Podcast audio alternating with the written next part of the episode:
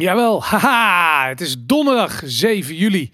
Tijd voor Vivo Valentine, aflevering 61 om precies te zijn. Het gaat los in het land, Robert. Het gaat helemaal los, ja. Het gaat los. Dus, uh, het, De boeren zijn ontketend. ja, het begon, begon rustig, maar volgens mij is vandaag eh, dag 2 en, en eh, Ja. er worden wapens getrokken. Er worden wapens getrokken, er wordt met scherp geschoten. eh, de supermarkten zijn leeg aan het raken. Ik zag allemaal dingen voorbij komen op Twitter van lege eh, eh, schappen. Vooral Mhm. groente, fruit. Ehm, ja, wordt niet meer aangeleverd. Blijft natuurlijk niet lang vers, dus moet elke dag vers aangeleverd worden. Dat Mhm. gebeurt er niet. Dus dat zie je als eerste. Ehm, de ingeblikte rommel staat natuurlijk al maandenlang in de supermarkten. Dus dat blijft nog wel eventjes. Maar goed, ja, misschien moeten we al gelijk beginnen. Wat, eh, wat, hoe sta jij nu in de, ehm, in de boerenprotesten? Wat is allemaal aan de hand? Ja, ja, ik ben dus eh, maandag eh, op stap geweest. eh, van s morgens vroeg tot s avonds laat eh, meegegaan met de boerenprotesten. Ik had een, kreeg een, een berichtje van een kijker die samen, die zegt van ja, ik zoek voor een journalist, onafhankelijk journalist uit Amerika, een mediafixer. Iemand die hier een beetje een netwerk heeft en kan helpen met het, eh, het verslag geven van het verslaan van de boerenprotesten. Oké, Die guy die heet Michael Jon. Dat is Uh-huh. een, ehm, een oud marinier. En eh, verslaggever, oorlogscorrespondent. eh, en zit regelmatig, en ook gisteren of nee, dinsdag, bij eh, Steve Bannon in de War Room. oké. En hij heeft heel veel protesten, zeg maar, ge- ge- gedocumenteerd. Hij is een jaar lang, ehm, heeft hij de protesten in Hongkong Oh, eh, gedocumenteerd en- Ja. en, en, meegemaakt en gezien van hoe dat eigenlijk begon als een, ja, weet je, een, een, een, vrij rustig protest tot ex- echt een volksbrede opstand. En hij was geïnteresseerd in wat er hier gaat. Het is uiteraard, net zoals ons, helemaal bezorgd over waar het heen gaat in de wereld. En ehm, hij ziet het, ik weet niet hoe jij het ziet, maar hij ziet het in ieder geval heel somber in ehm, waar we naartoe gaan. En hij zegt, er wordt nu een aanval gepleegd op onze voedselvoorziening. Ja, En dat is hier eigenlijk in Nederland eh, begonnen. Hij, is van, hij zat eerst in Mexico en hij is nu naar eh, Nederland gekomen om hier. Nou het goed. is hier begonnen, zei dit? Of het is nu hier Nou ja, begonnen? nu, nu, of nu hier met zeg maar, of, of het is een heel belangrijk. Ehm, dit is een heel belangrijk puzzelstukje. Nederland is gewoon de tweede exporteur van voedsel in de wereld. Maar wel doorvoeren, hè? Dus ik nee, zijn door. Nee, dat zei vorig. Nee, Nee? 75 miljard is gewoon hier gemaakt. Ja? 75 van de 100 miljard is gewoon hier gemaakt. Ja. Het is bizar, want we hebben maar een handelsoverschot als je namelijk de doorvoerder aftrekt van iets van anderhalf miljard. Als je kijkt wat we import- Ja, klopt, importeren ja. versus wat we Ja. exporteren. Klopt. Dus we importeren ook We gigantisch veel. importeren ook heel veel, maar we maken ook heel veel. En, en, en ja, en dat. Ehm, nou goed, en hij zegt van ja, nu zie je als je als dit, als de supply chain hier eh, ehm, ehm, breekt, zeg maar, dan krijgen mensen op andere plekken inderdaad eh, honger. Dus hij, hij vond het een heel belangrijk ding. En hij verwacht dus ook hongersnoden, niet alleen in Europa en in derde Mm. wereldlanden, maar ook in Amerika. En hij, eh, goed, dus hij wilde dit eh gadeslaan. Dus we zijn eh, s morgens goed begonnen en eh, net zoals de politie naar Schiphol gegaan, maar daar was niks. Want dat was namelijk Ja, een, dat decoy. verwachtte iedereen namelijk. Ja, dat- dat, eh, dat was- ja, Het was een slimme decoy van eh, er stonden alleen maar eh, sensatiezoekers. ja en, en, eh, en wel veel politie ook, ehm, Uh-huh.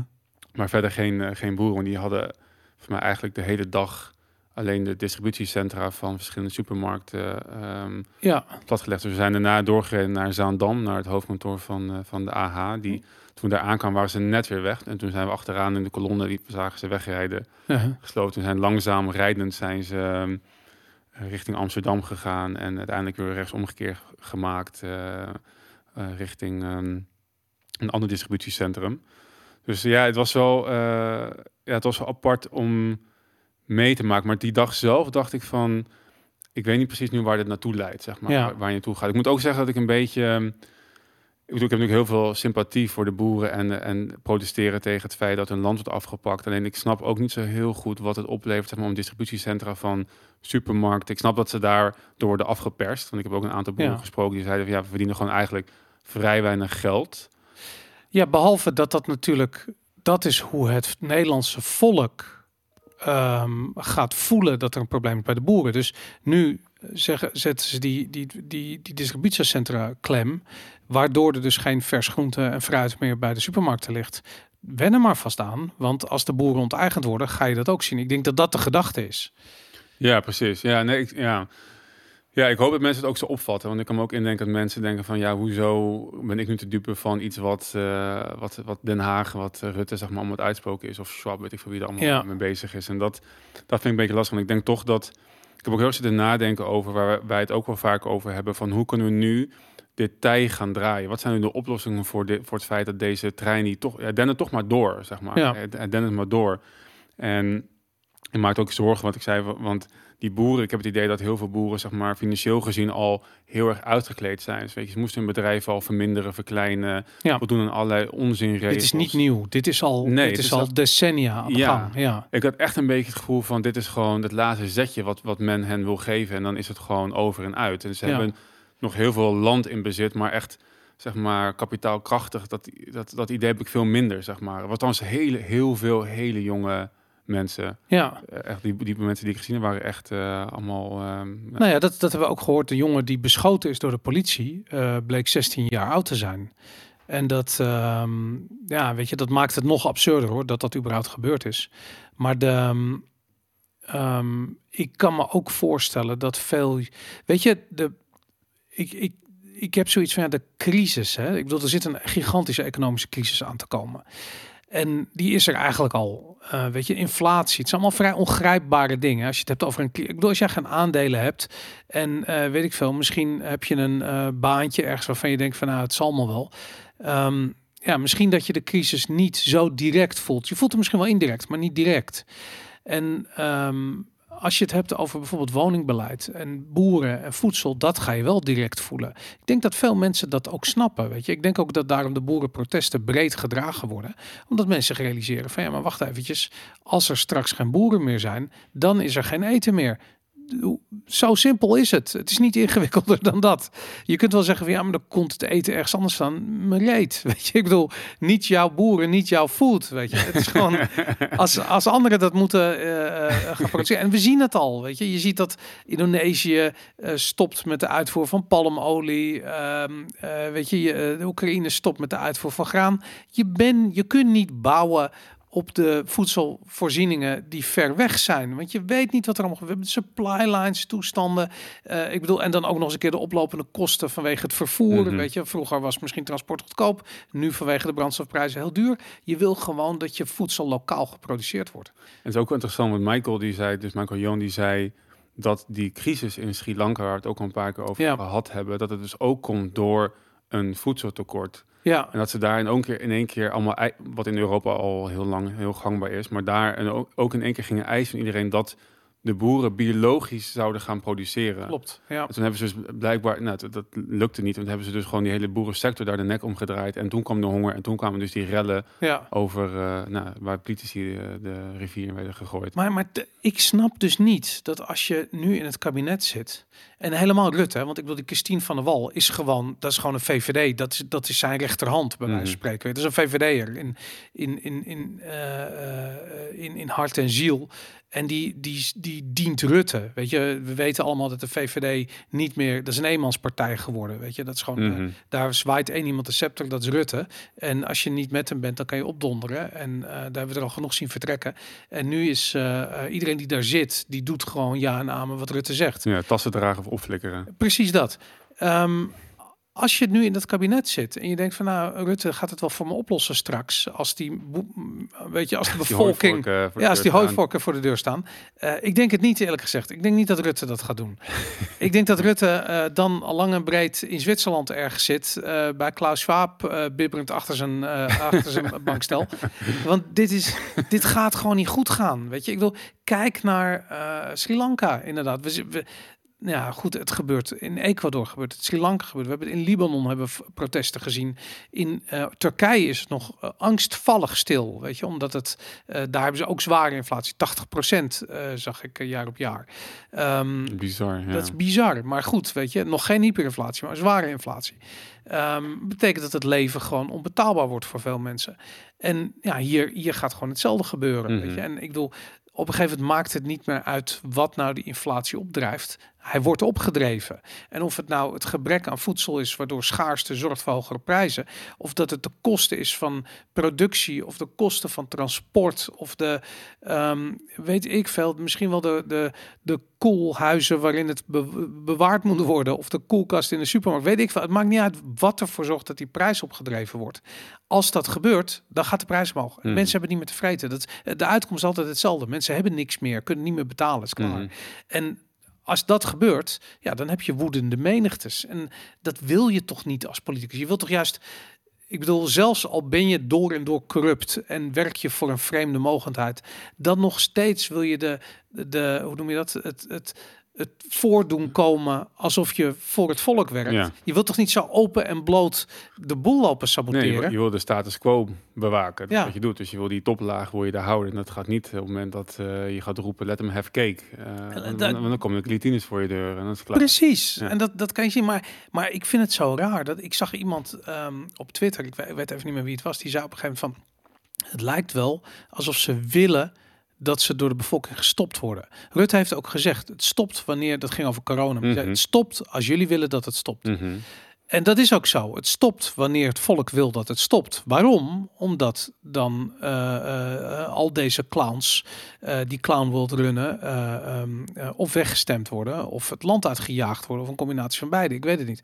Maar dat, ehm, dat ga je dan krijgen op een gegeven moment. En ik, ja, misschien is het ook inderdaad wel zo dat het allemaal zo open en bloot op straat ligt, omdat ze willen dat het stopt. Want het is bijna niet anders te stoppen, tenzij je het volledig transparant maakt. En ik denk dat daar deze uitzending ook een beetje in dat thema staat eh, van ehm, dat het hoe het eruit ziet en, en, en dat het moet stoppen. Eigenlijk Mhm. onze hele onze hele podcast gaat daarover. Het hele libertarische idee gaat Stop daarover. het allemaal. Stop met die overheid. Weet je, die overheid creëert alle problemen die er zijn. Ja, precies. En dat is, nou goed, dat hebben we, ik weet niet of dat, eh, we zeggen het niet elke aflevering, maar we hebben het wel vaak gezegd. Maar ik merk dus eh, dat, volgens mij had ik het voor de uitzending er even over, dat ik van me af of dat dus zeg maar, of de boeren daar ook van doordrongen zijn, zeg maar. Ik bedoel, ik ben ook een libertarische boer tegen, of een eh, gepensioneerde boer tegengekomen. Mhm. En die was ook libertariër, die noemde het ook de roverheid. En, eh, Ja, maar ik heb niet het idee dat mensen snappen dat, zeg maar, dat, die, dat, dat, dat het probleem is. Dat communisme het probleem is. Dat alles vanuit de staat doen het probleem is. En er wordt nog steeds...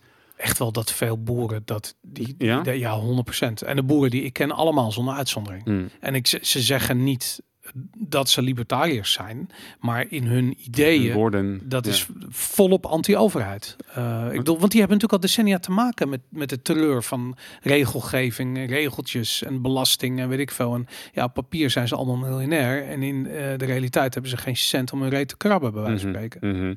Ja, want de, de, wat, ik, wat ik merkte bijvoorbeeld ook bij die Michael, die is natuurlijk de protesten in Hongkong gewend, waar mensen gewoon, nou ook, hij zou ook, ook gaandermate steeds meer bedreven werden in het zeg maar protesteren en het, eh, weet je, het gebruik van paraplu's en laserpennen en, Ja, ja, en al- het, werd, het werd steeds effectiever. Hij zei het zijn ook de slechtste Molotov, kok, Molotov cocktail gooiers die, eh, die er zijn, zegt hij van. Ik zei, je komt uit Amerika, dus ik ben gewend dat iedereen gewoon een bal kan gooien. Maar in Hongkong was Niemand het kan geval. Dus iedereen gooide en die vielen achter en neer, zeiden zo. Dus het ging altijd, altijd fout en staken elkaar in de fik en zo. En hij vroeg op een gegeven moment, van, waar blijf je, waarom blijf je dat in godsnaam doen? Ja, Want je, je kan het niet. En zei van, ja, maar het is...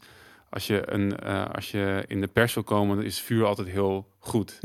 Een tip voor de boeren. het. Zeg maar, vuur, je moet, vuur dat zorgt voor internationale zeg maar, ziet er internationaal uit. Ja. Nou, over vuur gesproken. Misschien moeten we heel even kijken naar de beelden van, eh, van, van de schietpartij. Ja. Ehm, eh, twee jongens, zo te horen, twee Marokkaanse jongens zitten in een auto en die filmen wat er gebeurt. Hier zien we even nog snel. We moeten even vanaf het begin starten. Oh nee, dat is nu volgens mij. Ja. Ja. Kijk, daar komt er. Nee joh, hé hey, wapens jongen, wapens! Hé, hey, Wallah, rij weg jongen, rij weg! Wapens is daar!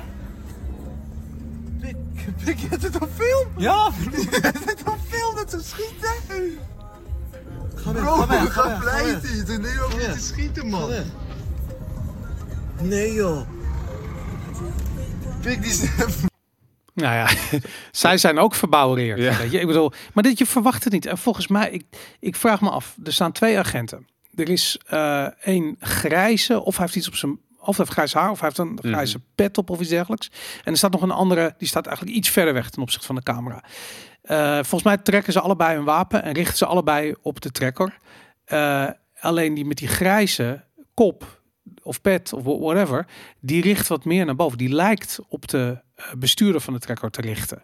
Maar je weet niet of hij schiet. Mhm. Er wordt twee keer geschoten. Misschien schiet ze allebei één keer. Misschien schiet eentje twee keer. Je weet het niet. Mhm. Eh, dat soort dingen moeten allemaal uitgezocht worden. En dat, dat roept iedereen ook op Twitter. Van, ja, we moeten eerst uitzoeken wat er precies aan de hand is. Komt ook een kamerdebat, toch? Spoeddebat, geloof ik. Nou, het lijkt me wel. Want dit is... eh, eh, ehm, kijk, dat agenten een vuurwapen gebruiken als ze in nood verkeren... eh, dat lijkt me eh, redelijk eh, eh, eh, logisch. Ehm, de vraag is of ze hier in nood verkeren. Ik denk het niet. Weet je, je ziet overduidelijk dat ze niet in nood verkeren. nee, Eh, dat- ze staan langs de kant van... Sterker nog, Ja. ze lopen richting de tractor Ja. die wegrijdt. En eh, ik heb nog gekeken of die richting aangeeft, maar dan nog net niet. Maar, maar, het, eh, maar goed, die tractor komt niet op hun af. En zeker op het moment dat ze schieten, zien ze al dat de tractor afbuigt en wegrijdt. Mhm. Dus het lijkt erop alsof ze gewoon de trekker willen tegenhouden. Maar als die eh, eh, ene met die grijze kop, eh, die schiet niet op die wielen. Bovendien het hele idee dat je zulke gigantische banden eventjes lek schiet. waar je voor, ja, ik, weet- ik weet niet, weet je. Dat, ja, goed, whatever. Het is gewoon, het hele shit is fucking krankzinnig. Ja, het is echt bizar. Het is Ja, echt bizar dat, dat, die, dat die überhaupt in Nederland, zeg maar, in... bedoel, het, is, overal bizar, maar in Nederland waar inderdaad een gastje van 16 op een, op een tractor zit, waar wapenbezit eh, niet bestaand is, zo'n beetje. Ik bedoel, er is gewoon geen dreiging. Er is Ja. geen excuus om dit te doen. En je ziet dat hij gewoon wegdraait. Het is echt, die gast moet gewoon direct ontslagen worden. Ja, nou, kijk deze beelden. Dit is volgens mij, het lijkt wel dezelfde knakker met met zijn grijze kop of zijn grijze pet. Wat is het nou? Wat denk je dat je zit, joh? Is toch geen film, dit? Maar moet je kijken. Hij, ik what the fuck? Inderdaad, hij denkt dat hij in Hollywood zit. Ik dacht dat je een andere had. Is dit, is dit, heb, je, heb je er nog een? Ik heb nog een Nee. andere gezien namelijk. Oké, nee, ik heb dit gezien. Deze, maar dit lijkt me echt dezelfde gast. Maar ik weet niet, ze hebben allemaal een soort raar... Die, Wat, wat voor hoed heeft die andere daar nou op? Weet je, wat is dat voor, voor zo'n witte Die muts. muts. die die Oh, op ja. heeft? Waarom heb je een muts op? Wat is dat? En ik weet niet of hij een pet op heeft of gewoon grijs, maar het lijkt me redelijk eh, makkelijk om deze eh agent... Dude, het is echt, ik vind het echt, ik heb deze niet gezien. Ik ken deze niet. Ik vind het echt een debiel voor. Maar dus die doet toch niet? voor de auto Hij staan. stopt al. Ja. Weet je, die, dus die, hij rijdt langzaam vooruit. Hij zegt stop. Hij stopt en dan trekt hij alsnog zijn, richt hij Ja, alsnog zijn wapen op de bestuurder. dat hij een uh, Helemaal gestoord geworden. Goodfellas speelt of Ja, maar ik, dit, wat het is, is, en ik, ik weet niet hoe of wat, maar ik denk dat deze agent, de adrenaline, die, die giert door zijn aderen. Eh, hij is niet meer in staat om rationeel na te denken.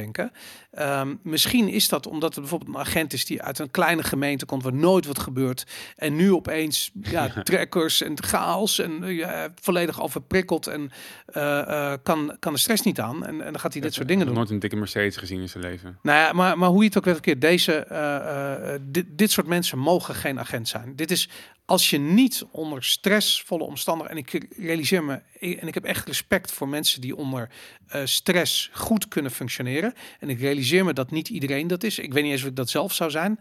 Uh, maar, maar uh, sorry, je mag niet iemand met een wapen de straat op sturen die niet in staat is om, om stress te, de baas te kunnen en, en hier op een adequate manier te handelen. En dit, ja, dit kan gewoon niet. Maar er was er dus nog één. Ik had hem, ja, ik kwam net nog voorbij.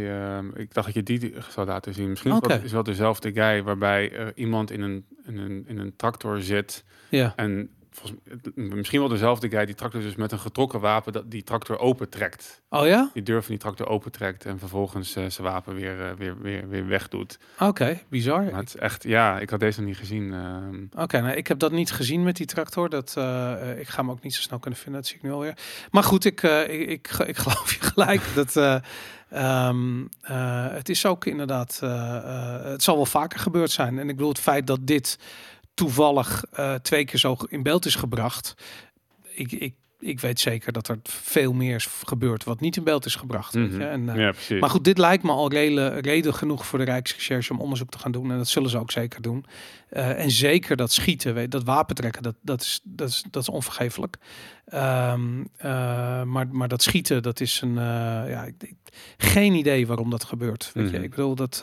Uh, ik denk echt dat die, dat die agenten daar met een idee naartoe zijn gegaan. Van ja, de boeren gaan ons overrijden. Of we, misschien hebben ze informatie gekregen die daarop zou wijzen. En waren ze heel erg uh, zenuwachtig daarvoor. En alles wat er maar een beetje lijkt op een rijdende tractor, wordt direct als een bedreiging gezien. Het zou kunnen. Ik vind het heel moeilijk om erover te oordelen. Um, maar goed, ik, ik ik heb wel zoiets van dit, ehm, ehm, ja, we zijn, we, de boel is geëscaleerd. En vorige week hebben we het ook al over gehad natuurlijk, dat Rutte die, eh, ehm, of eigenlijk, eh, ja, Rutte die zegt van we willen niet praten met de boeren.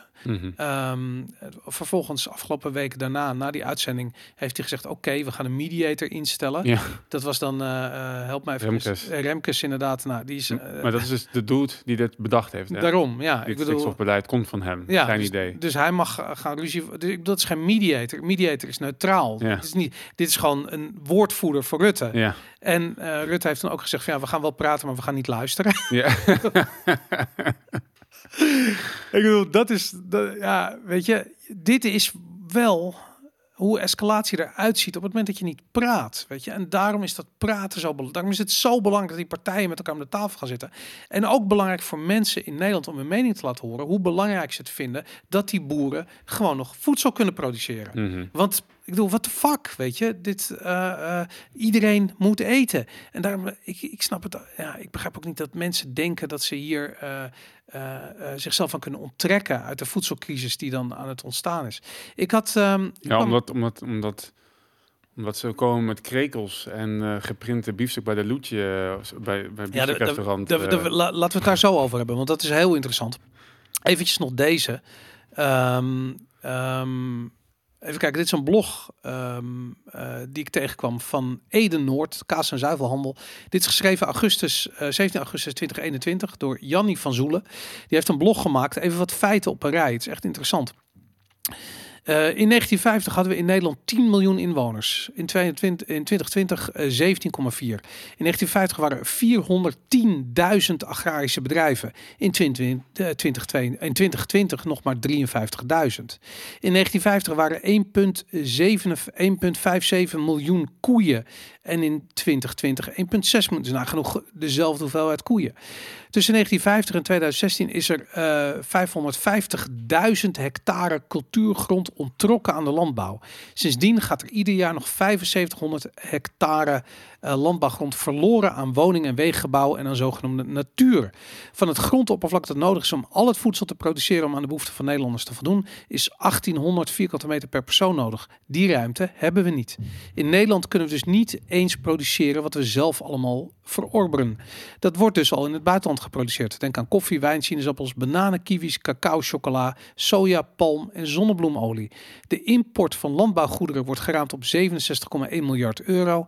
Nederland exporteert weliswaar 95,6 miljard euro, maar let wel. 27,3 miljard is wederuit voor goederen die dus uit het buitenland komen en die eh, na aankomst in Nederland opnieuw eh, of bewerking ondergaan of direct weer worden doorgevoerd naar het buitenland. De werkelijke export is dus 68,3 miljard euro. En dat is dus een eh, handelsoverschot van 1,2 miljard. Ehm, ehm, export bedraagt 9,5 miljard aan sierteelt, 8,8 miljard aan vlees, 8,6 miljard aan zuivel en ei, 7,3 miljard aan groenten, 6,2 miljard aan fruit en 5,8 miljard aan drank en bier. Bedenk ook, alleen import zorgt voor faillissement van ons land. Ja, want als je een handelstekort hebt, als je dus meer importeert dan dat je exporteert, dan betekent dat dat geld eh, eh, moet ergens vandaan komen. Dus dat betekent dat je ehm, eh, ja, de geldprinter aan moet zetten. Meer dan de helft van de geëxporteerde goederen gaat naar onze buurlanden. Nou goed, enzovoort. Eh, eh, oh ja, en er zijn ook nog 600.000 mensen eh, die werken in banen die direct afhankelijk zijn van de agrarische productie. Nog een feit, ammoniakuitstoot binnen de veehouderij daalde van 333 kiloton in 1990 tot 110 kiloton nu. Nou, dat is knap. Eh, er is 9,7 miljard kilo minder mest dan in 1990. En boeren hebben tussen 1990 en 2017 187 miljoen kilo stikstof gereduceerd. Fosfaatuitstoot is sinds 1990 gedaald met 60 miljoen. 92% van koeienvoer bestaat uit gras en mais van Nederlandse bodem. En dan nog even deze feiten.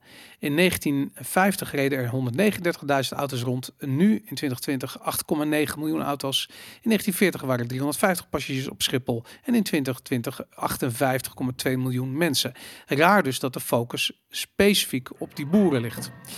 Uh, en tot slot nog even de opmerking dat we met 0,3% van de bevolking voorzien in de voedselvoorziening van de overige 99,7% van de Nederlanders. Nou goed, uh, de bronnen zijn uh, RVO, CBS, WUR, NZO, Zuivel, Nieuwe Oogst. eh, en Erik Terpstra, manager projectbeheersing bij Rijkswaterstaat. Als je deze cijfers zo voorbij hoort komen. En uh, voor mij een aantal dingen vond ik heel opvallend. Vooral dat er maar zo'n relatief kleine uh, handelsoverschot is op, op, op de boeren geproduceerde producten. Um, dat betekent dat er relatief weinig ruimte is. Als je dan zegt van nou we gaan een derde van alle boeren onteigenen. Uh, dan zit je dus direct met, een, uh, uh, met de gevolgen daarvoor dat je dus een handels of tekort hebt op de balans. dat je dus een handelstekort hebt. En dat leidt er dus toe dat we dat gat moeten opvullen met weet ik veel wat. Met, met meer belasting heffen, met geldprinterij. Wat ook belastingheffen is, want het leidt tot inflatie. En het leidt tot geldontwaarding, waardoor je geld minder waard is. Wat eigenlijk een verkapte vorm van belasting is. En maar, dat. Um, maar, maar, hoezo moet je een handelstekort oplossen? Nou ja. We hebben het hier ook wel eerder over gehad. Nou ja, kijk, in principe, een balans moet eindelijk, uiteindelijk onderaan de streep uh, kloppen. Dus op het moment dat je een tekort hebt ergens, dat betekent dat je ergens anders een overschot moet hebben. Nu hebben we een, een, uh, een gezonde sector met een handelsoverschot. Uh, Um, dat betekent dat het handelsoverschot een tekort ergens anders kan opvangen. Als je hier een kunstmatige wijze een tekort gaat creëren, nou ja, dat moet dan dus ergens anders vandaan komen. Als je nu kijkt naar de, naar de overheidsinkomsten en je ziet van nou oké, uh, uh, misschien uh, het geld spuit als alle hoeken en kieren uit. Dat kan heel goed, want we hebben twee jaar geleden nog tegen negatieve rente 80 miljard geleend van de ECB.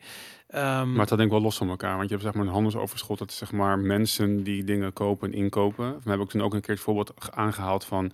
Wij hebben allebei een handelstekort bij onze supermarkt. Ja. En dat doet het niet toe, want we produceren iets anders en het geven daaruit. Dus het, kan, het, kan, het zou prima kunnen dat een handelstekort op de, als wij gewoon andere dingen produceren. We hoeven niet ja. net zoveel in te voeren van agrarische spullen als, uh, als dat het uh. Ja, maar, maar, omdat jij zelf verantwoordelijk bent voor het balanceren van dat van dat van dat van dat van, van jouw eigen huishoudboekje. Ja. En als jij zegt van nou, ik verdien zoveel en ik geef zoveel uit bij de supermarkt en zoveel aan mijn huur en dat klopt allemaal, is prima. Maar als dan op een gegeven moment, uh, weet ik veel, je werkgever zegt van nou, je verdient nu een derde minder, dan heb je direct een probleem in jouw in jouw balans. Uh, en dat probleem mag je dan uh, veel plezier ermee mag je gaan oplossen. Nou, dan is je eerste reactie dat je naar je werkgever van sorry, maar hoe had je precies gedacht dat dit redelijk is? Nou, dat is hetzelfde wat hier gebeurt. Weet je, ik bedoel, alle Nederlanders kunnen naar de overheid kijken en zo van en zich afvragen waarom wordt dit land financieel schade berokkend mm -hmm. door, door dit kabinet. Waarom doen ze dat? Mm -hmm. Weet je, het levert niks op. Je zou kunnen, je kunt best wel investeren in iets, maar dit levert niks op. Weet je, ik bedoel net als dat, uh, weet ik veel, ze zeggen dat er nu 750 miljard naar Oekraïne moet of zoiets vanuit Europa. Een of andere summit waar, de, waar dat de conclusie was. Ja, het is leuk, maar wat levert het dan op? Weet je, en dat op een of andere manier dat doet er allemaal niet meer toe, weet je. We hebben nu een generatie aan politici die waarschijnlijk allemaal zo in weelde zijn opgegroeid. Die hebben nooit tekort, die realiseren zich helemaal niet dat er gewerkt moet worden voor geld. Weet je? Mhm, Dat, uh, mhm. ja, dat is voor hele domme mensen, die werken voor geld, weet je. Maar, de, maar, maar niet deze uh, soort van gedistingeerde uh, staatshoofden die we, die we hier rond zien huppelen. Ja, ik, ja en ik... Ik denk dat wat ik net zei, het is heel precair. Want ik heb het idee dat die boeren dus al zo lang, zo vaak, uh, zeg maar, um, um, um, klem zijn gezet door wet en regelgeving. En aan de andere kant ook dus afhankelijk zijn gemaakt van subsidies vanuit Europa. Ja. En, en er zit een hele, het is een hele perverse samenwerking die daar gaande is. Uh, Ja. Dus je zou alles moeten afschaffen, zowel die regels als, uh, als de subsidies en de belasting. En, het gewoon. Ja, want, want een goed voorbeeld, we hebben het over boter gehad. Hè? Ik, we hebben het vorige keer gehad over boter maken. En ik heb daar nog wat, wat verder over, eh, eh, eh, me daar verder in verdiept. Ja, En het is inderdaad zo dat je de kosten om boter te maken zijn zo hoog versus de prijs van boter op dit ogenblik. Dat betekent dat, weet je, we hebben het nog gehad over misschien zijn er andere producten en misschien is het, weet je, de karnemelk die nog verkocht wordt en weet ik veel. Het is allemaal echt, het, het, het, het is een druppel op de gloeiende plaat. Het is subsidie. Het is echt voornamelijk subsidie die ervoor zorgt dat de prijs van dit soort eh, ehm, eh, producten zo laag zijn. En ook al is boter duur, het is het, het, is voor, voor zeker 60% gesubsidieerd. En dat wat je dus gaat krijgen, stel je voor, ik wil dan een bedrijfje beginnen en ik wil boter maken, ik zeg maar wat. Nou, ik ben heel klein, weet je. Ik ga niet bij de overheid in aanmerking komen om eh, een subsidie los te krijgen.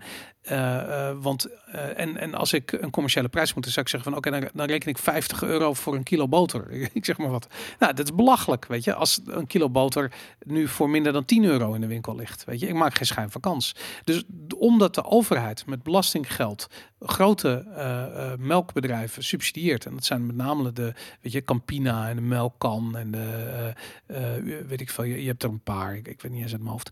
Maar die krijgt die subsidie toch niet? Vol, vol- volgens mij zit er, zit er een, een... Tenminste, ik sprak een van die boeren daar en daar zit... En ik zag een berekening van RTO Z, van RTO Nieuws... over ehm, het verkleinen van de veestapel. Ja, Met een berekening gemaakt van hoeveel veehouders we hebben in Nederland... versus hoeveel koeien die bezitten... en wat dat precies oplevert onder de streep... hoeveel zij per liter zeg maar, ongeveer ontvangen. Dat is echt... Dat is, dat, dat veel lager dan die schatting die wij vorige week hadden, zeg maar, voor, voor melk. Wat zij aan die grote jongens betalen in, in ja, die krijgen dus Die- van minder. je krijgt voor heel weinig geld. En, en eh, een veehouder met 108 koeien, die verliest gewoon 20k per jaar. Dus die verdient geen geld op zijn productie. En dat is volgens mij dus heel vaak het geval. Ik had het ook over met, met een En dat boeren. verschil komt uit de subsidie. Net, ja, volgens mij dus niet. Volgens mij, ik weet niet hoe dat, ik weet niet precies hoe dat zit.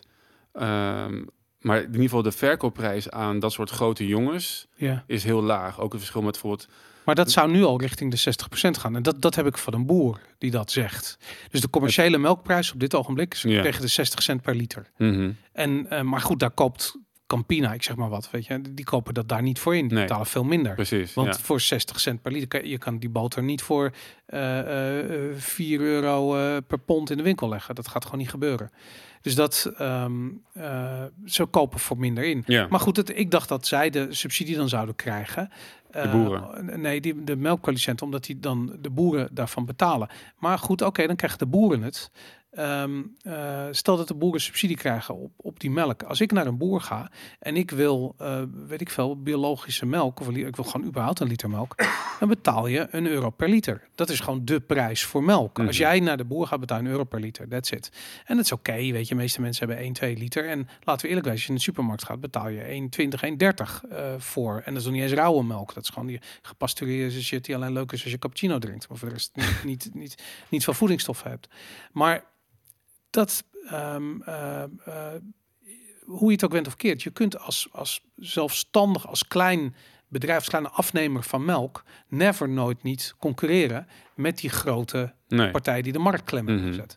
En of ze dat nou met subsidiegeld hebben gedaan, of dat ze de boeren gewoon uitpersen, beide kan. Volgens mij is het dus dat tweede. Wat ik begreep van boeren is dat het tweede. Dat is volgens mij dus ook een beetje waar we naar moeten gaan kijken als we gaan kijken naar de oplossing. Want ik zat dus, ik was een beetje ja, gedesillusioneerd toch naar die, naar die dag en zien wat er gebeurde. Want op een gegeven moment zat ik Mhm. in ehm, Utrecht bij een distributiecentrum van, van de AH, ergens na, na zevende nog.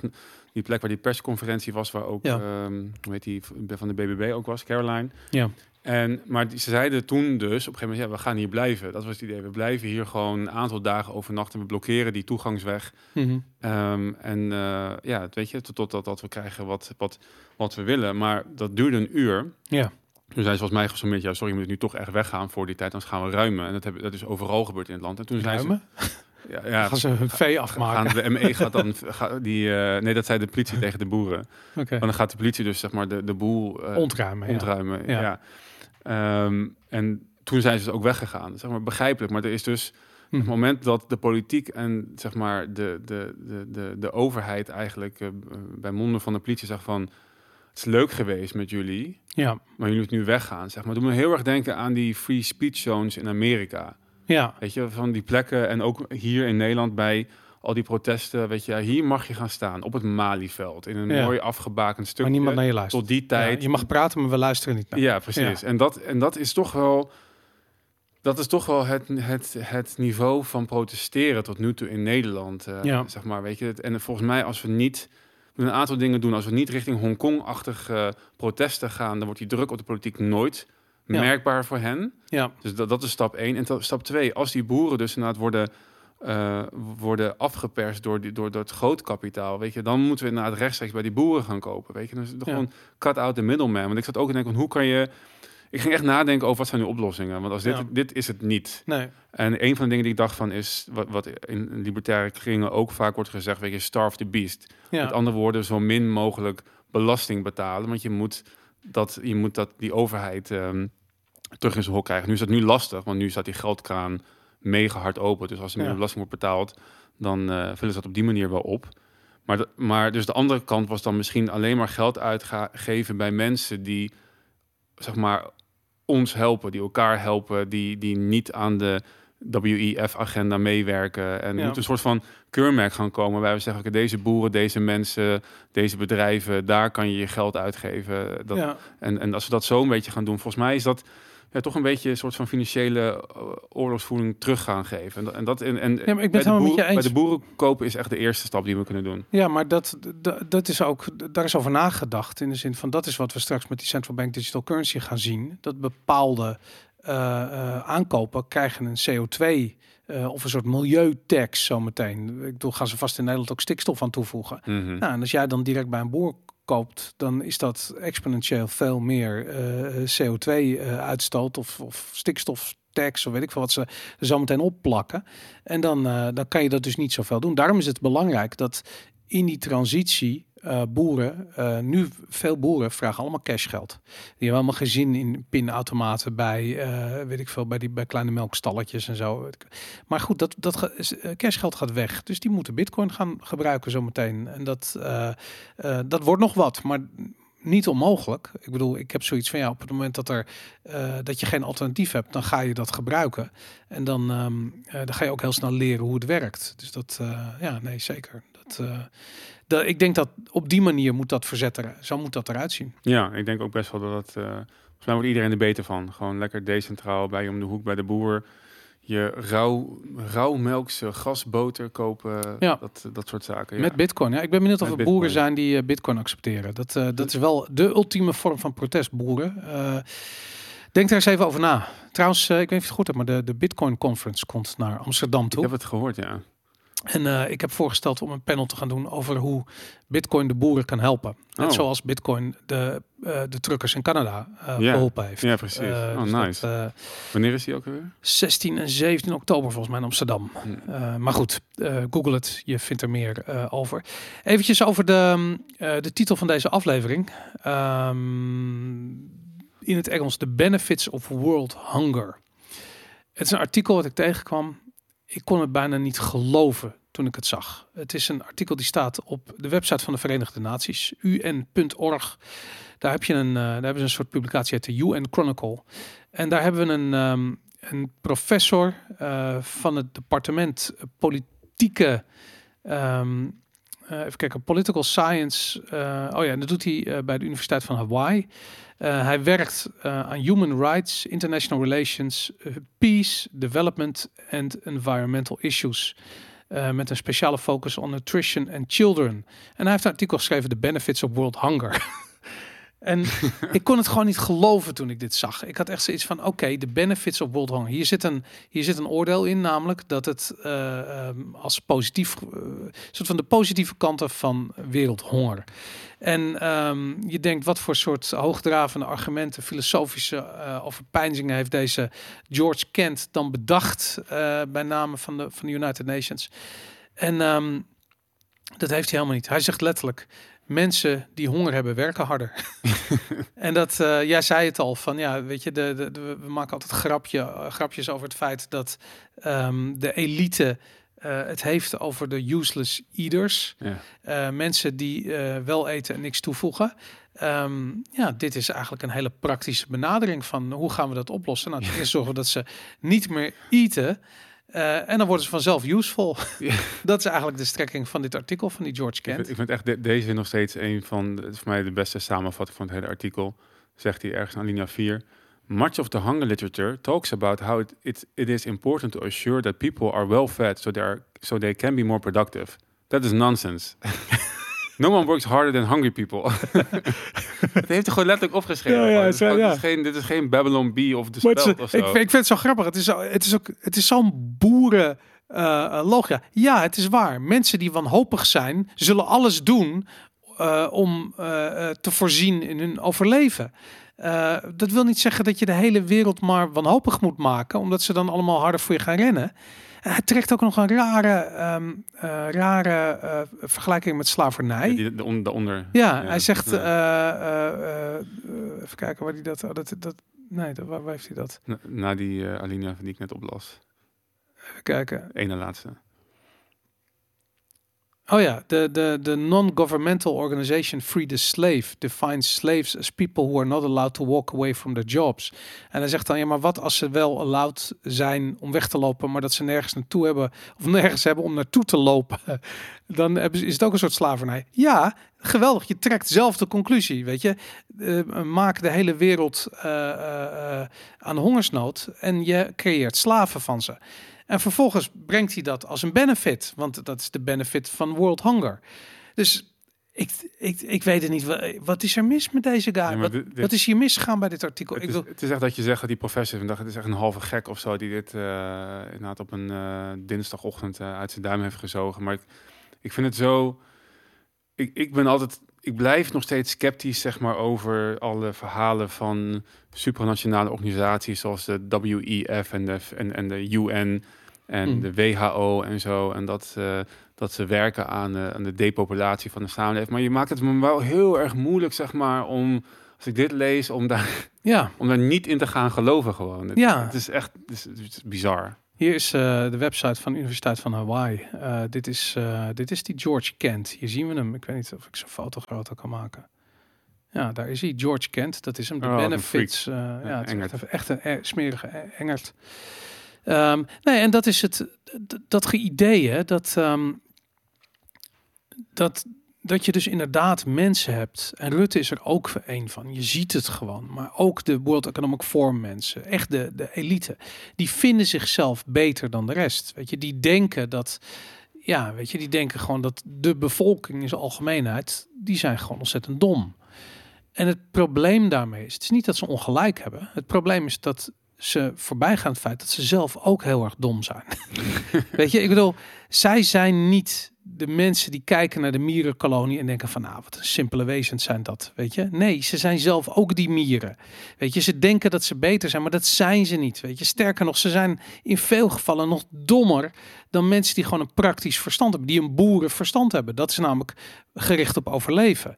En wat zij doen is niet dat ze gericht op zelfvernietiging. En ze hebben daar een soort hoger, ja, weet ik veel, een soort hoger goed in, in gedefinieerd, wat ze dan najagen. En dat maakt het dan goed om jezelf te vernietigen. Maar ja, daar heb je dan dit soort artikelen voor nodig. De benefits of world hunger. Ehm, Ik had het met Michael over, die, eh, over dat boerenverstand waar je het over hebt. Want hij Ja. zegt, overal waar ik, ehm, waar ik kom in de wereld, zeg maar, merk je toch dat boeren politiek gezien en misschien ook wel ehm, eh, gewoon persoonlijk gezien veel conservatiever denken. Dus veel vaker zeg maar, op, het, op, de, op de vrije markt spectrum zitten. En de, Ja. En logisch denk ik, zeg je, dat, ja, ik zeg, dat is ook heel logisch, want als boer kan je je niet eh, veroorloven om je niet aan de wetten van de wereld te houden. Wensdenken heeft geen ruimte in, in, in, in boeren, want dan precies. verneuk je je, je, je, je, Ja. je, je, vee en je, en je crop, hoe heet dat? Je, je akkerbouw, Gewassen, gewassen. En dat, dat kan niet. Dus het, zeg maar, het hele... Weet je, het zijn, het zijn allemaal biologen. Weet heel goed wat een man en vrouw is en hoe, hoe het werkt als je iets wil verbouwen en hoe, hoe het met dieren gaat en zo. En dat, en ja, dus hij zegt van overal ter wereld kan ik altijd heel goed vinden met die mensen, omdat ze gewoon common sense hebben. En Ja. Dat, ja, ik hoop dat dat. eh, Maar dat is het, het is common sense. En Clown World is het tegenovergestelde Ja. ervan, weet je. Het zijn gecreëerde crisis om maar eh, meer macht uit te kunnen oefenen. En inmiddels eh, merk je dat de druk op de bevolking zo groot is dat, wat is in Nederland, 1,3, 1,6 miljoen mensen problemen hebben om rond te komen. En dit is nog maar het begin. We zijn, we zijn echt nog maar, we staan aan het begin van die inflatie. Voor mij meer. Voor mij is het, voor mij is het nou, ik weet niet hoe heftig die, dat, die groep het heeft, maar ik weet dat al, al heel lang is de helft van de mensen die eh, zeggen moeilijk rond te kunnen komen. Dus Ja. ja. cijfers van het Nibud, dus 50% Dus het zijn er echt veel meer. Maar dat was dat is best wel een oud cijfer al voor de inflatie, eh, voor de huidige inflatie in ieder geval. Ja, ja Dus dat misschien is, dat die eh, 1,3 dat het echt heel heftig is bij die, eh, wat zei je, 1,6, 1,3? Ja, ik, heb ik, weet- ik weet ook niet wat het. Ik heb het verder niet onthouden, maar ik zag het voorbij komen inderdaad. Goed, ehm, even kijken. Terwijl me even kijken, mijn ding er maar uitscheidt. Kom op nou, jongens. En nog niet die link, die staat erboven nog. Niet of je die nog wilde behandelen. Zeg maar de, de link van Christiane van der Wal. Ja, dat wou ik eigenlijk nu openen. Behalve dat, oh ja. Het is van een website die heet Dissident. Ik weet niet of het een, eh, het klinkt een, eh, een redelijke wappie-site. Maakt niet uit. We zijn zelf ook wappies. Dat is mooi. Eh, het gaat over de link tussen stikstofminister Christine van der Wal en Bill Gates. Het is wel interessant, want eh Picnic is opgezet. Eventjes eh, ehm, in een, in een notendop. ehm eh, Picnic, de, de online supermarkt, is opgezet door een aantal mensen. Ehm, een van de grote investeerders daar in het begin, een aantal Nederlandse bedrijven, of, of eigenlijk investeerders, hebben 100 miljoen bij elkaar gelegd om Picnic op te zetten. Een daarvan eh, was Okke van der Wal. Hij was eigenaar van de Boni supermarkt en distributiecentra. Hij had nog een parkhotel in het Hof van Putten, eh, whatever. Ehm, stond in de quote 500. Ehm, en hij is eh directe familie van Christine van der Wal.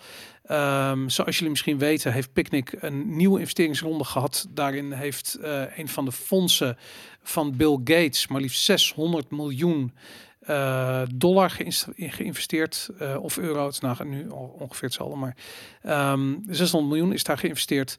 Eh, de belangen van Bill Gates zijn heel duidelijk. Bill Gates heeft veel ge, geïnvesteerd in alternatieve vleesvoorziening. Ehm, ehm, hij zegt, er staat hier letterlijk, eh, er staat hier, eh, omdat eh, Bill Gates een nepvleesfabriek genaamd Impossible Foods heeft. Ehm, eh, daardoor heeft hij zelf direct een zakelijk belang. Maar als je mensen zo gek wil maken om die gore, ongetest en ongezonde troep te eten, ben het helemaal eens met deze waardeoordelen overigens, zul je wel eerst echt vlees uit moeten bannen. En dus boeren die dat produceren ruimen. Nou, daar komt Christine van der Wal in beeld.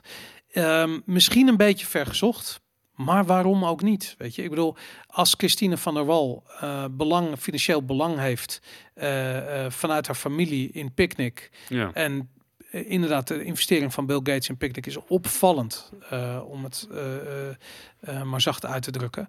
Ehm, ja, dit past wel helemaal in het politieke straatje van, ehm, van zowel Bill Gates als World Economic Forum, als dat hele idee dat je eh, insecten en rommel zult eten en niet langer meer dierlijke proteïne. Ja, en los van zeg maar de, de direct ehm, bewuste ehm, beleidsmaatregelen die zij zou nemen, eh, zeg maar om haar om haarzelf te verrijken. Ja, Als dat niet het geval is, is er sowieso een, een, een, een zeg maar een, een, een impliciete drijfveer. Want je zit gewoon in een bepaalde business, je, je verkeert in bepaalde kringen, je praat over bepaalde zaken. Dus, dus, dus je handelt. Dat is ook het hele idee. Mensen zijn niet ehm, non-biased. Hoe zeg je dat? Niet bevoor, iedereen is bevoordeeld, ja, zeg maar. En, en ehm, dat had ik ook met Michael. Michael die zat dus in de auto, in de, in de kolonne, dus hele te juichen naar alle pro- mensen die protesteerden en zo. En Mhm. hij zegt, van, ja, mensen altijd maar, je moet, je, je, je can be biased. Zeg, ja, Ja. Wel, iedereen is biased. I'm just showing it, zeg maar, weet je wel. En dat Ja, is denk ik ding. En dat is, Ik ben het daarmee eens. Zeker als je het bijvoorbeeld over eh, journalistiek. Als jij bijvoorbeeld een, een, een, een, opleiding journalistiek volgt, dan wordt er altijd gezegd van ja, weer, weer, hoor en wederhoor. Mhm. En eh, je moet proberen de, eh, de feiten te brengen zonder persoonlijke emotie daarin Mhm. te leggen. En ik heb zoiets van ja, dat is hele saaie journalistiek. Weet je, het is oké, eh, maar het is iets wat je nu eerder bij juristen aantreft dan dat je het aantreft bij, eh, eh, bij, bij, bij, bij mediamakers. Mhm. En je ziet dat mediamakers hebben de journalistiek overgenomen. Wij zijn ook een goed voorbeeld daarvan hoor, overigens. Niet alleen de NOS. Maar je ziet dat journalistiek wordt daar niet meer bedreven. Mhm. Het zijn meningen. Net als dat op één soort van op een of andere manier journalistiek gevonden wordt. Dat is het niet. Weet je, het zijn gewoon meningen van mensen. Mhm. Zijn die meningen relevant? Ja of nee? Daar kun je over van mening verschillen zelfs. Maar eh, weet je, wij hebben ook een duidelijke mening en een duidelijke agenda en een idee over hoe de wereld moet zijn. En het is gewoon een bepaald perspectief. En ik denk eerlijk gezegd dat het aan iedereen de taak is om die verschillende meningen naast elkaar te leggen en denken van wat maakt sens? Weet je, wat klopt? En dat. ehm, en zelfs zou je kunnen zeggen van nou, daar klopt een beetje en daar klopt een beetje. En als dit daar niet klopt, dan zal dat misschien daar ook niet kloppen. En ja, zo kun je proberen een beetje waarheid te vinden in die jungle van, van bullshit die er eh, voor ons opgetrokken wordt. Ja, en het is. Ja, ik denk dat ook dat het verhelderend is gewoon dat als mensen gewoon hun mening inderdaad niet, niet doen alsof ze geen mening erover hebben. Dat, dat Ja. is gewoon niet waar. Precies. En ik ben op zich wel heel erg voorstander van nieuwe initiatieven die nog gewoon hoor en wederhoor zouden doen. Gewoon Ja. als, als, als iets, weet je, ja, ik wil toch, eh, net zoals dat ik op eh, all world in data vaak eh, helemaal aan de tijde van de co- coronacrisis gewoon de, de, de ruwe data wilden lezen zonder mening. Dat wil, Ja, Ik zou het per- perfect vinden als er nieuwe onderzoeksjournalisten zouden komen die gewoon inderdaad dat, dat hele saaie ding doen. Dan kan ik namelijk daar mijn eigen mening op voor, vormen. ja, Maar inderdaad, de meeste mensen hebben gewoon een politieke voorkeur, een politieke mening. En Christiane van der Wal, ehm, en ook een persoonlijke mening. En dat komt gewoon naar voren. Dus eh, wat ik wilde zeggen over Christiane van der Wal, ja, die is sowieso beïnvloed door haar om, omgeving. En dat is, en ja, dat, dat, dat kan ervoor zorgen dat je in ieder geval impliciet, in ieder geval denkt van ja, ik ga niet hard lopen voor die boeren, want ik heb er gewoon, eh, ja, weet je, wat heb ik eraan of zo, weet je. En dan hoef je niet eens bewust te denken. ja, Dat is, dat is, dat is in, in de best case scenario, worst case scenario, is er gewoon zichzelf aan het verrijken en precies. wat kapot aan het maken, omdat dat eh, gewoon goed voor, voor haar uitkomt. En Bill Gates natuurlijk, die is nu, goed is de zoveelste crisis waar die eh, dan eh, als de kippen bij is om geld mee te verdienen. Eerst met zijn BioNTech aandelen en ehm was nog een andere farmaceut waar die aandelen in heeft, die natuurlijk die coronavaccins maakte. Ja. En nu is hij ook al jaren bezig met het opkopen van grote delen van eh, Amerika aan landbouwgrond en grond. Hij is een van de grootste, misschien wel de grootste private ehm, landbezit in Amerika geworden. Omdat hij, Mhm. ja, nou, ik weet niet of hij per se dat doet omdat hij eh, meer geprint vlees bij Loetje wil hebben. Of omdat hij gewoon geld wil verdienen aan het be- beheren van die hele voedselketen. Waardoor dit soort MKB'ers als in Nederland, de boeren er ook gewoon aan onderdoor moeten. Want dat zijn natuurlijk gewoon de, ja, Ja. dat, dat zit dat in de weg. Weet je, alles moet gecentraliseerd worden. Alles moet naar een Amazon, een wereldwijde picknick en, en allemaal dat soort bedrijven. En ja. Ja. daarom nogmaals gewoon koop Nou, ik, vind, bij ik, de vind boeren. dat, ik vind dat een, echt een heel goed punt wat je hebt. Iedereen heeft een agenda. En ook misschien een politieke agenda. Ik zag hier een tweet van Marion Koopmans voorbij komen. Dat ging over de boeren.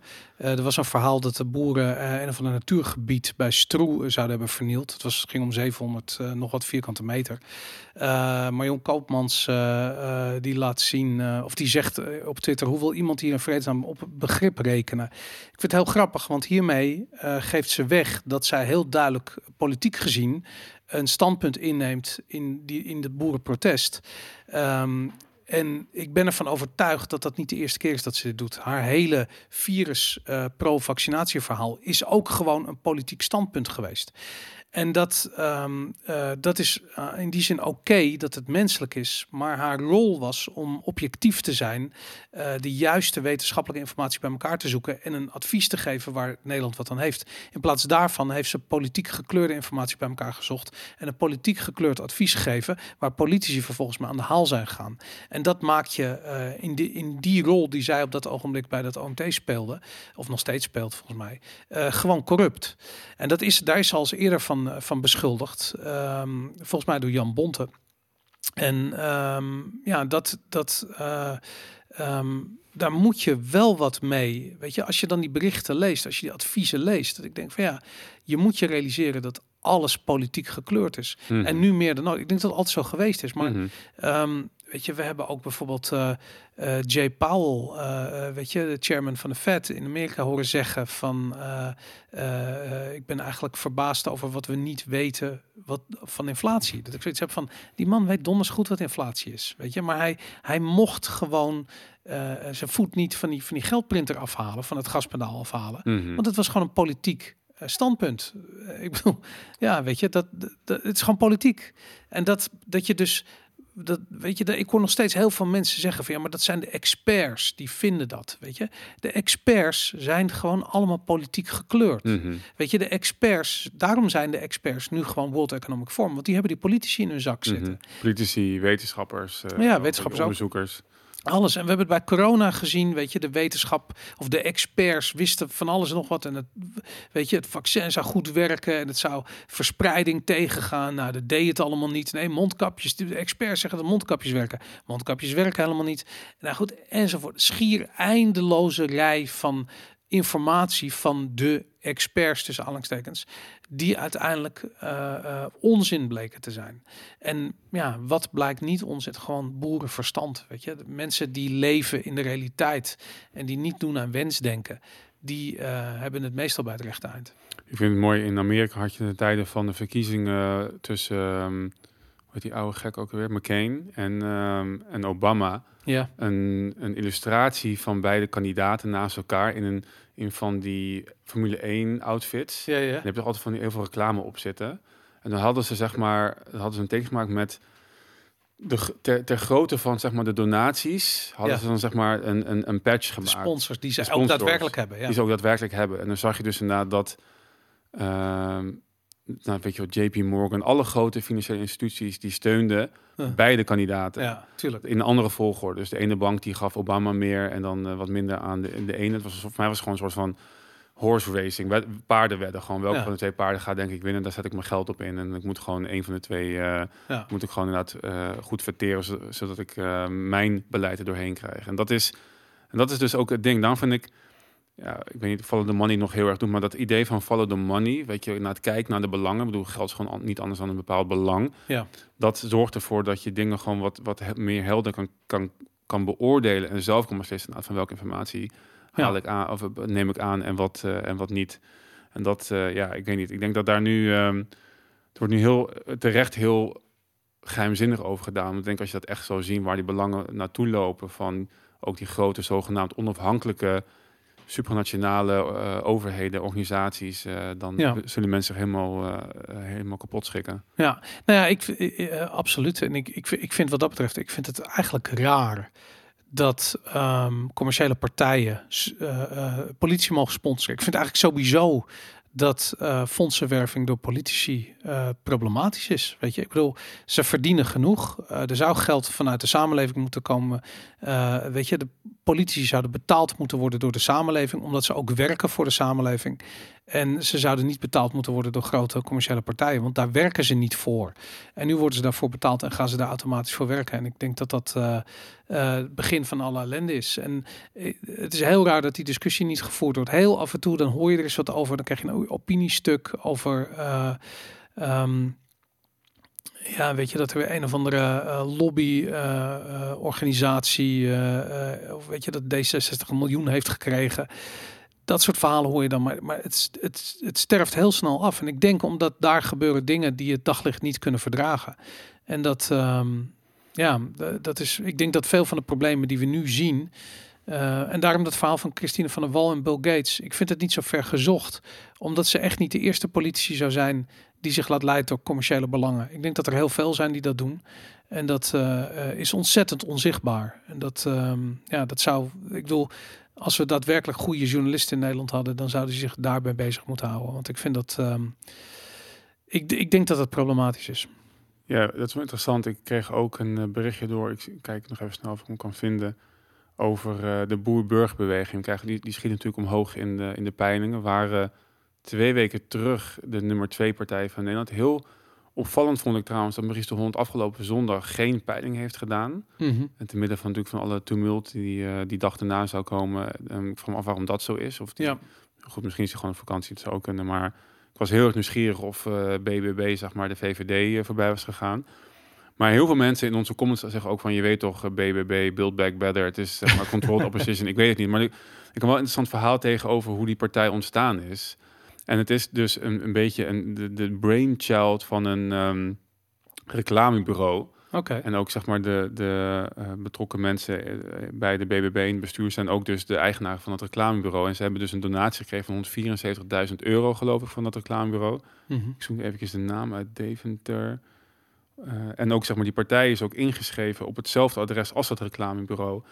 En het communicatiebureau ehm, Hoe heet dat bureau? ja, Remarkable hebben. Remarkable in Deventer. Oké. Ehm, en dat. Ik zit even te kijken nu. En dat is dus een marketingbureau die ehm, voor bepaalde. even kijken, welke bedrijven hebben zij nu ook alweer als, als klant? Shit, ik kan deze niet lezen helemaal. Maar ik kreeg een hele interessante soort van analyse van. het is eigenlijk een beetje begonnen als marketing stunt van Remarkable in Deventer. Ja. Ja, di- is dit hem? Nou, dit is Oh, wel de website is van website, Remarkable. ja. En die eh, zijn heel trots op hun, eh, op hun project. Op een campagne, of Ja. op, op een project, ja. De, en eh, mensen zeggen, ja, het is gewoon eigenlijk een PR-project van, van Remarkable. Daar zijn de, de Remarkable mensen. Ja, want het, schijnt- het schijnt ook dat Caroline van der Plas, die komt natuurlijk op een, op, een, op een tractor binnen en heeft dus een heel, ja, ik weet niet wat ik moet zeggen, boers uiterlijk. Maar dat schijnt dus ook een beetje ehm, ge- gemaakt te zijn. Dat is niet hoe zij daarvoor, zeg maar, erbij liep en ronddeed. En allemaal Het is wel zo. grappig inderdaad wie allemaal de klanten zijn van eh, Remarkable. Ja, Bayer werd ook genoemd inderdaad. Bayer en dat hele grote... Bio AG Europe. Ja, hele grote uh, nou ja, webpartners, zeg maar. Die zijn dus uh, um, klant. klanten van Remarkable. Wat dus gewoon dezelfde mensen zijn van de boer-burgerbeweging. Bizar. Ja, vond ik ook een heel opmerkelijk verhaal. Ja. Ja, bizar. Nou goed, het is wel echt, het is wel voornamelijk in de agrarische sector, moet ik wel zeggen. Ja. Zaden zie ik hier, uh, Nutri Performance, plant breeding. Uh, goed, maar ja, inderdaad. Misschien, uh, ja, misschien is het, uh, misschien is het, komt het ook gewoon echt uit die sector en is het ook. het kan natuurlijk zijn dat het gewoon boeren zijn, natuurlijk. Maar dat heb je natuurlijk met al die, al dit soort ondermerken. Het kan gewoon zijn dat. Weet je, ik bedoel, het is heel erg moeilijk om uh, bewijs te vinden voor kwade opzet. Ja. En um, dat ga je ook niet vinden in twee minuten googelen. Nee. Um, weet je, als zoiets daadwerkelijk speelt, dan. Um... Maar wat ik wel elke keer krijg als ik naar dit soort dingen kijk, is dat de oplossing niet in de politiek ligt. Ja. En ik ga er even laat ervan uitgaan dat zij, dat zij uh, geen controlled opposition is en gewoon inderdaad het beste voor heeft. Zij is niet anti-Europa. Dan heb je al een heel groot probleem. Ja. Weet je, want en, en met, met reden, want boeren krijgen heel veel geld vanuit Europa. Ja. Maar als je niet tegen Europa bent, gezien er wat er nu allemaal speelt, en uh, ja, dan ga je het probleem niet oplossen. Ja. Dus ook als uh, zij de grootste wordt, dan ja, wat dan? Wat, Ja. Gaan we dan meer subsidie? Oké, dan stoppen we de regelgeving voor de boeren, prima. Gaan we meer subsidie uitgeven aan boeren? Gaat inflatie nog meer omhoog? Want daar doen ze, daar, daar, daar, ik, ik heb daar, ik heb daar voor mij nog nooit over, echt over gehoord. Ehm, dus ja, weet Maar je, ik, ik denk dat mensen. Kijk, Europa. eh, laat ik zo zeggen, Europa is Europa en dat zal altijd Europa zijn. Maar die EU, dat is een gefaald experiment. En het is niet de eerste keer dat een EU-experiment faalt. En de, ehm, de EU. ehm, ik, ik zag een artikel, ik heb het niet in de show notes gezet, maar het was, het was een afscheidsreden van een, van een economieprofessor, van een hoogleraar aan, de Universiteit van Utrecht. En ehm, die vertelde ook van, weet je, die was bij zijn aanstelling, zijn eerste eh, eh, reden die die heel erg, zijn eerste college wat hij gaf, dat ging heel erg over hoe goed het was dat geldcreatie plaatsvond. Dat was een beetje een notendop waar hij over zei. Ik Hmm. was een echte Keynesiaan. Dat mhm. heb je als je in Nederland economie studeert, dan Ja. kom je dat soort ideeën tegen. Maar nu, nu hij met pensioen ging, dacht hij daar 100% anders over. Dan had hij zoiets van, ja, de euro is een gefaald experiment. Ehm, en niet alleen ehm, gaat het onze grote monetaire gevolgen hebben als die euro elkaar klapt. Het gaat ook het hele EU-project om zeep helpen. En ik denk dat hij daar gelijk in heeft. Want ehm, op dit ogenblik denk ik dat veel mensen wel inzien van ja, oké, boeren eh, die moet je niet hun land afpakken en zijn belangrijk voor de voedselvoorziening. Dat snappen ze wel. Maar dat ze eh, eh, beginnen te begrijpen dat de bureaucratie leidt tot meer bureaucratie en leidt uiteindelijk tot dit soort dystopische situaties. Dat is nog heel abstract, weet je. Ik bedoel, mensen hebben niet uh, Solzhenitsyn gelezen, weet je. Mm, Mensen, mm. mensen zijn daar niet mee bezig. En dat is ook niet iets wat je op school leert in Nederland. En daarom denk ik wel dat um, um, ja, er moet iets gebeuren voordat mensen die kennis tot zich nemen. En wat er gaat gebeuren is dat de euro gaat imploderen. En dat is bijna onvermijdelijk. En als je kijkt hoe de, uh, uh, hoe de ECB op dit ogenblik echt tot aan hun topje van hun kruin in de problemen zitten.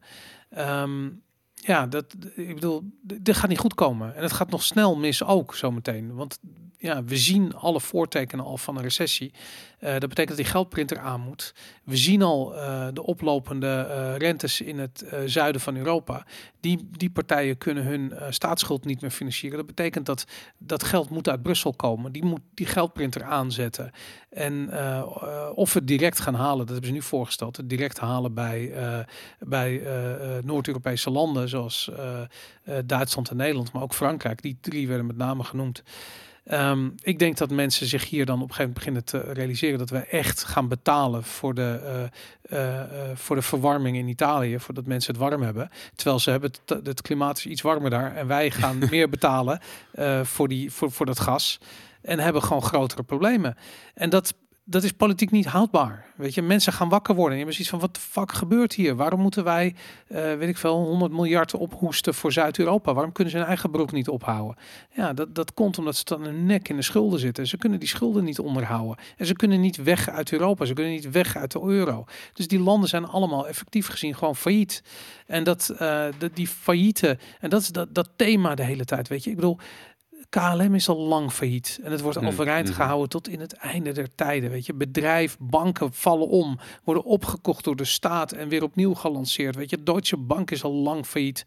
Ehm, Italië, Griekenland zijn ook al lang failliet. Weet je, maar ja, het wordt allemaal maar overeind gehouden. Weet je, en hoe wordt het overeind gehouden? Door geldcreatie. Mhm. En die geldcreatie leidt tot koopkrachtvermindering van je euro. Ik blijf dat echt de mooiste eh, conclusie vinden van ehm, de Bitcoin standard, zeg maar. Ja. Op het moment dat je dus geen harde geldstandaard hebt, dat mensen, eh, dus dat je, dan is er dus niet de noodzaak om je geld beter te investeren dan de deflatie. Want bij hard geld krijg je deflatie. Geld wordt meer waard, of blijft in ieder geval gelijke waarde over tijd. Ja. Dus dan gaan mensen heel goed nadenken over waar ze hun geld in willen gaan investeren. Ja, als je het verkeerd investeert, dan loop je misschien weet ik veel procent mis, wat je toch al zou krijgen als je het gewoon onder je matras zou stoppen. Ja, En dan heb je dus niet van die veel, heb je geen bullshit projecten, geen bullshit jobs, want je gaat alleen maar investeren in dingen die beter renderen dan dan met je wordt. boerenverstand. Met je boerenverstand, ja. Ja. En, dat, en nu zie je het tegenovergesteld. Nu zie je dus inderdaad al die onzin waar geld naartoe gaat en waar mensen inderdaad ook Ja. gewoon, ik, ik tweette gisteren, waar is de bezieling in de wereld, zeg maar. Ja. die, die is compleet weg. Het, is- het, gaat, het gaat nergens meer over. Mensen zijn niet meer bezig met wat is zingeving, waar word ik gelukkig van en, en eh, weet je, bouwen aan de toekomst. Nee, het is allemaal inderdaad, eh, het geld moet nu de deur uit, want, want morgen is het minder waard. Dus laat ik maar die Nike's gaan kopen. En Ja. het is het is echt, het is spirituele, emotionele armoede. Wat, eh, Ja. ik weet niet, wat- ik weet niet wat, wat, waardoor het komt. Inflatie, dat, dat bezorgt of dat verzorgt inflatie. Misschien zijn we nou te veel gepamperd en eh, te weinig weerstand, te weinig lijden en daardoor eh, te weinig bezieling. Ja, nou ja, goed, ik, ik, ik denk dat er een aantal dingen samenkomen. Maar het, is, het, het, het, het begin van de oplossing is dat mensen gaan inzien dat bureaucratie leidt tot meer bureaucratie. En dat leidt tot deze vreemde eh, oplossingen. En dat kan alleen maar bestaan bij geldcreatie. Weet je, als mensen zouden zien wat dit kost, wat dit kabinetsbeleid kost. En niet, niet de 80 miljard die geleend is voor corona. Nee, gewoon de, het dichtgooien van al die MKB'ers, weet je, het dichtgooien van die, van die ziekenhuizen, het, het, ehm, eh, het, het creëren van ellende in, in, eh, eh, voor, voor, voor, voor, wat is het, 60% van alle ondernemers in Nederland. Dat, wat dat kost uiteindelijk, wat de gevolgen daarvan zijn. Weet je, het feit dat je niet kunt vliegen bij Schiphol en dat je zes uur lang in de rij staat bij de paspoortcontrole, daar is een reden voor. Weet je, dat komt omdat er een systeem is gecreëerd. Eh, en dat is, het systeem is stuk gemaakt. En dat systeem, dat, dat kon niets hebben. Dat, dat hoeft u maar tegenaan te blazen en dan viel het omver. Iedereen die vroeger wel eens via Heathrow vloog, die weet van als er al een klein zuchtje wind is, dan had je gelijk al drie uur vertraging daar. Weet je, want dan, dat is, er zijn zoveel vliegtuigen daar. En al die crews zijn zo miniem ingedeeld. Ze hebben allemaal precies 20 minuten om een vliegtuig schoon te maken en vol te tanken en klaar te maken voor vertrek. En als dan een vorige vliegtuig een soort van vertraging heeft, ja, dan gaan er van die 20 minuten zijn al, al acht minuten weg, bij wijze van spreken. Ja, dan lukt het niet meer. En de volgende, en, en dat heeft een soort sneeuwbal-effect, waardoor dat hele vliegveld eh, in ellende terechtkomt. Ja, dat zie je nu door op Europese schaal gebeuren, bij wijze van spreken. Al die, Mhm. al die eh, vliegvelden gaan, eh, gaan op die manier onderuit. En zo geldt het niet alleen voor vliegtuigen, zo geldt het voor, eh, voor, voor onze hele samenleving. Nou goed, ik, ehm, ik vind het een, eh, eh, een, een onderwerp waar we nog heel vaak over gaan praten. Ik weet, ik wou nog eventjes benadrukken dat wij zo meteen doorgaan op wieforvalentine.com eh met de eh, Tribe Members Only ehm, eh, editie van Viva Valentine nummertje 61. Daarin gaan we praten over een opstand onder Italiaanse taxichauffeurs die los is gegaan in Rome. Ze gingen op zoek naar politici om daar te kiel halen. We gaan het hebben over ehm, Assange. over Julian Assange. Ehm, we gaan het hebben over, of eigenlijk Duitsland, die een Assange doet op een Duitse journalist in Oekraïne. Eh, we gaan het hebben over de arrestatie van Jan Bonte natuurlijk voor de verspreiding van namen van enkele Romeo's. Eh, en we gaan het hebben over rekeningrijden in 2020, ook zo'n onderwerp. Eh, dat 30. Oh, 2030. Sorry, dat was ik. Ik lees, ik lees niet goed. Ik lees eroverheen. Goed, ehm, dit was de reguliere uitzending van Vivo Valentine. Dankjewel voor het kijken en luisteren. Vergeet niet te liken en te subscriben. En volgende week opnieuw klaar te zitten om 7 uur op donderdagavond op YouTube, op ons YouTube kanaal. Want daar gaan we live. Thanks allemaal en tot straks op vivovalentine.com.